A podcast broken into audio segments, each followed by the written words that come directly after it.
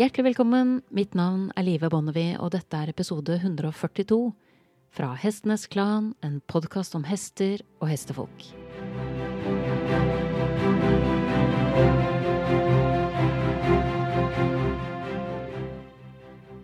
Oi, oi, oi, for en inspirerende helg jeg har hatt. Jeg har vært på en ny klinikk med Arne Kotz, og jeg har hatt et nytt intervju med ham, ikke minst. Det som skjedde, var at det dukket opp noen nye spørsmål noen dager etter vårt forrige intervju. Jeg snakket med ham i episode 107. Og der nevnte han et par ting som, som ble en slags sånn kløe hos meg. Altså, eh, og det skjer jo innimellom. At jeg har hatt et intervju med noen, og så føler jeg at jeg trenger noen oppfølgingsspørsmål. Og dette dreier seg helt konkret om relasjonen til hesten. Arne fortalte i forrige intervju om hvordan han hadde vært med hesten sin i et telt i forbindelse med en festival, og at lynet hadde slått ned i bygget ved siden av, og hvordan hesten hadde sett til ham i forhold til hvordan situasjonen skulle håndteres. Han fortalte også om at han hadde ridd en ny hest på et annet arrangement, der fyrverkeri hadde gått amok, og de bokstavelig talt hadde hatt fyrverkeri mellom beina på hesten. Um, og dette var en hest han ikke kjente fra før, uh, og som han sa, de kom seg gjennom det. Så jeg fikk egentlig et ganske sånn solid behov for å dykke litt dypere ned i hvordan man skaper en relasjon der hesten søker trygghet hos deg når den blir skremt. Så dette blir um, den neste internasjonale episoden på podkasten. Det betyr første mandagen i mai. Og før vi kommer så langt, så tenkte jeg for dagens episode at jeg skulle ta tak i noe som jeg har tenkt på en stund, og det er at jeg får en del spørsmål på denne podkasten fra lyttere. Og de får jeg typisk gjennom Facebook, Messenger, mail, Instagram, Snapchat. Og det blir litt sånn kaotisk, og så ønsker jeg kanskje også en litt tettere dialog enn den dialogen jeg har i dag. Jeg syns mail blir litt upersonlig.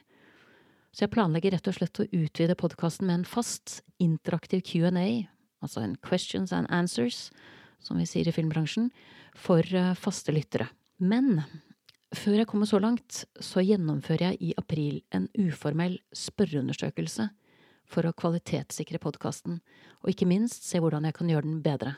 Det er alltid så inspirerende, syns jeg, å bli en bedre versjon av seg selv. Og minst like inspirerende å gjøre podkasten til en bedre versjon av seg selv.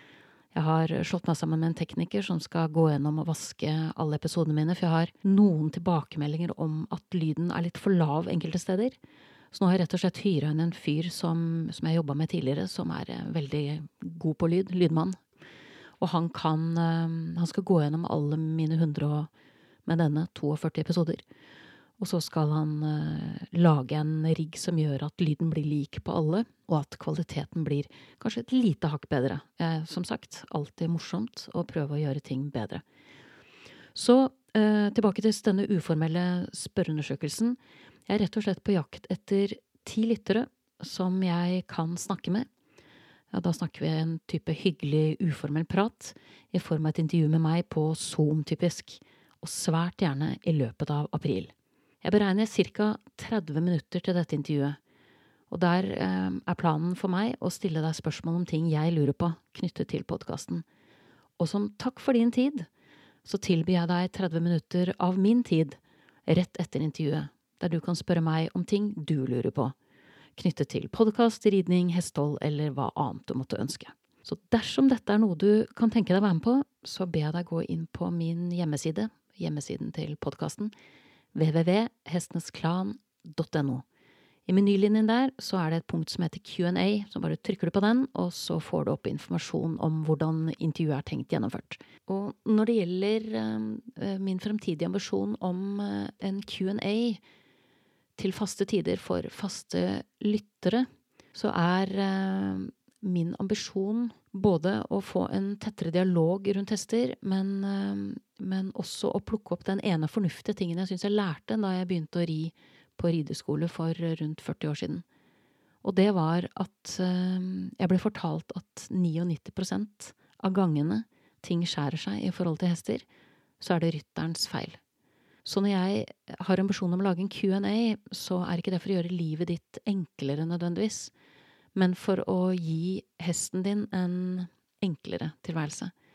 Kanskje til og med også la hesten din trekke en lettelsens sukk, fordi den endelig føler at den blir sett, hørt, følt og forstått. Så det vil være min, vil være min ambisjon.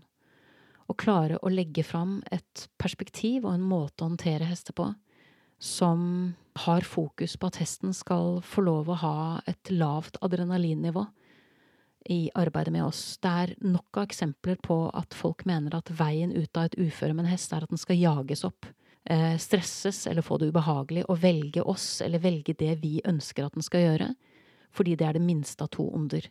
Så jeg kan allerede nå si at målet mitt med en Q&A vil være å ta hestens parti, legge utfordringen i fanget til rytteren, og la det være opp til rytteren å løse det sånn at det blir så lett som mulig for hesten. Så det, det blir spennende å komme dit. Men som sagt, i første runde så må jeg få på plass denne spørreundersøkelsen. Fordi eh, jeg er i en fase nå hvor jeg ønsker å, å ta denne podkasten til et nytt nivå. Og jeg har også noen ekstremt spennende intervjuer som allerede er gjort, pluss et par-tre planlagte internasjonale intervjuer som jeg virkelig gleder meg til å dele. Så det kommer til å bli en morsom vår. Det var vel det jeg hadde for eh, dagen i dag. Jeg gjør som jeg pleier, takker min faste komponist eh, Fredrik Blom. Og sist, men ikke minst, vil jeg som alltid takke deg, kjære lytter, for tålmodigheten. Måtte hesten for alltid være med deg.